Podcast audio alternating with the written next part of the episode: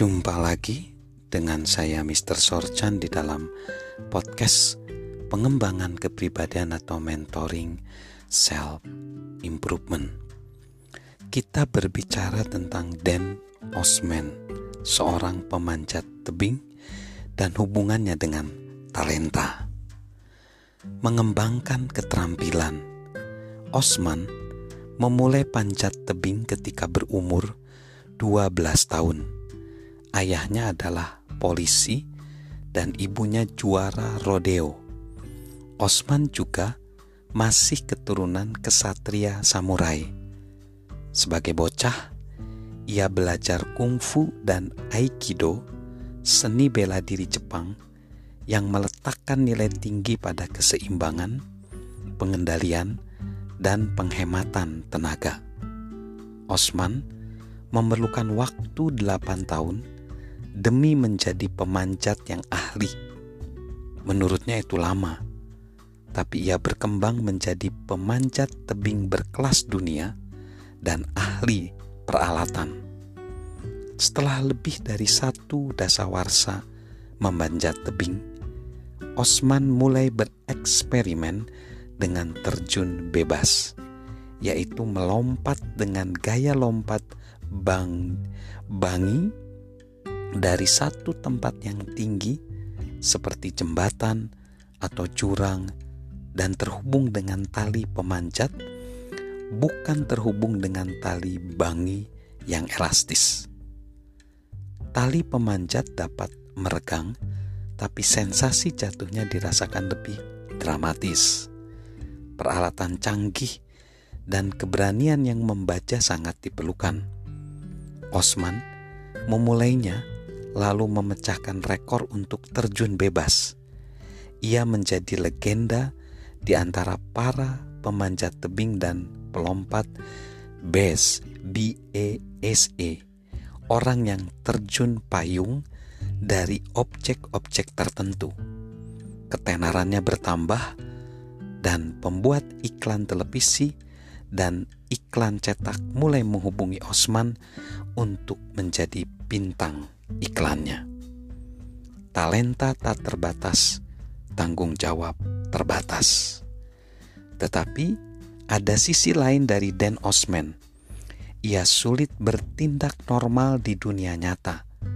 Teman-temannya berseloroh tentang waktu yang selalu membuat janji terlambat hingga berjam-jam atau kadang tidak sama sekali.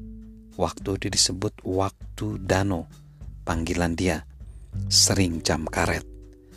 Julukan Ibu Osman kepadanya adalah Denny si pelupa. Ia terus-menerus mendapat surat tilang karena mengebut mengendarai mobil dengan STNK yang habis masa berlakunya atau mobil yang tidak punya STNK. Ia juga tidak membayar tilang Osman terus tergantung pada orang lain untuk menyelamatkannya. Andrew Tadhunter yang ingin tahu mengenai Osman sehingga meluangkan waktu lebih dari tiga tahun mengenalnya dan menulis buku tentang pengalamannya, menulis mengenai penahanan Osman karena pelanggaran lalu lintas yang belum dilunasinya. Saat Osman digiring keluar, ia meminta bantuan Todd Hunter untuk menelepon teman-teman Osman, yaitu sepasang suami istri pensiunan yang telah mengadopsi Osman. Mereka diminta menjamin Osman keluar penjara. Sang istri pensiunan eksekutif mengatakan, "Saya sangat khawatir padanya. Hal yang mengerikan bagi saya adalah lompatannya. Ia terus ingin melompat lebih tinggi dan lebih tinggi lagi." Saya katakan kepada Osman, kau sudah tidak muda lagi dan kau harus sedikit memikirkan masa depanmu.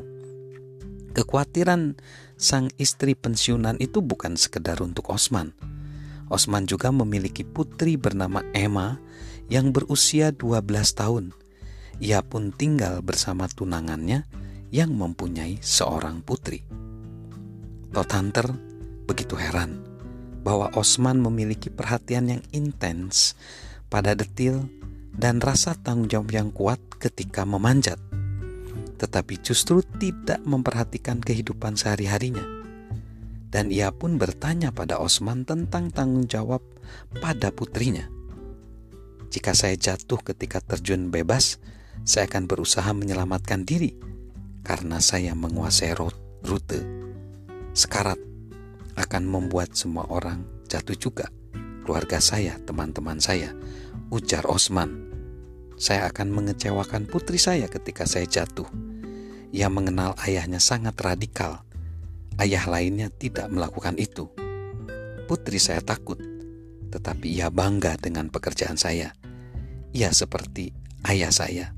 Saya khawatir ia tertembak, tapi kemudian saya mendengar ia polisi yang hebat dan ada piagam di dindingnya. Polisi hebat tahun ini sebagai pemecah rekor. Pada tanggal 23 November 1998, Dan Osman mencoba terjun bebas terpanjangnya 300 meter. Ia semula bermaksud memecahkan rekor baru pada tanggal 26 Oktober. Ia sudah mempersiapkan peralatannya pada Yosemite Learning Tower dan melakukan beberapa terjun bebas menengah hingga 2700 meter. Kemudian ia mendapat telepon dari Emma. Putrinya itu menangis. Ia sangat khawatir pada keselamatan ayahnya. Osman meninggalkan semuanya dan pulang menengok putrinya. Dua hari kemudian ia kembali ke Yosemite dan siap melanjutkan penerjunannya. Tetapi ia ditahan polisi karena hal-hal yang ia lalaikan tilang karena parkir sembarangan, dan STNK yang habis masa berlakunya. Osman menghabiskan 14 hari di dalam penjara. Temannya, si produser film, Eric Berman, yang menawarkan rumahnya sebagai jaminan Osman, berbicara kepada Osman setelah keluar dari penjara. Perman mengenang. Saya berbicara kepadanya. Kau sudah melenceng jauh memaksa terlalu jauh daripada seharusnya. Tak seorang pun menyentuh angka rekor ini untuk waktu yang lama. Turunkan peralatanmu. Tunjukkan kepada hakim jika kau serius bahwa kau mematuhi peraturan di sini. Dan Osman sangat tersetuju. Ia berkata, "Kau tahu, kau benar. Itulah yang akan kulakukan." Dan para malaikat penjagaku perlu istirahat mereka sudah bekerja lembur untukku. Namun, saat Osman kembali bersama seorang temannya pada 22 November untuk menurunkan peralatannya dan membungkus seluruh perlengkapannya, ia tidak dapat menahan godaan untuk rekor berikutnya. Pertama, ia melompat sedalam 280 meter. Hari selanjutnya, ia berbicara pada temannya untuk terjun. Kemudian Osman memasang kembali peralatannya dengan tergesa-gesa untuk lompatan yang lebih panjang. Ketika itu sudah sangat terlambat, matahari sudah terbenam, dan ia tidak dapat melihat dengan jelas. Osman tetap melompat saat suara tali yang tegang tidak terdengar normal.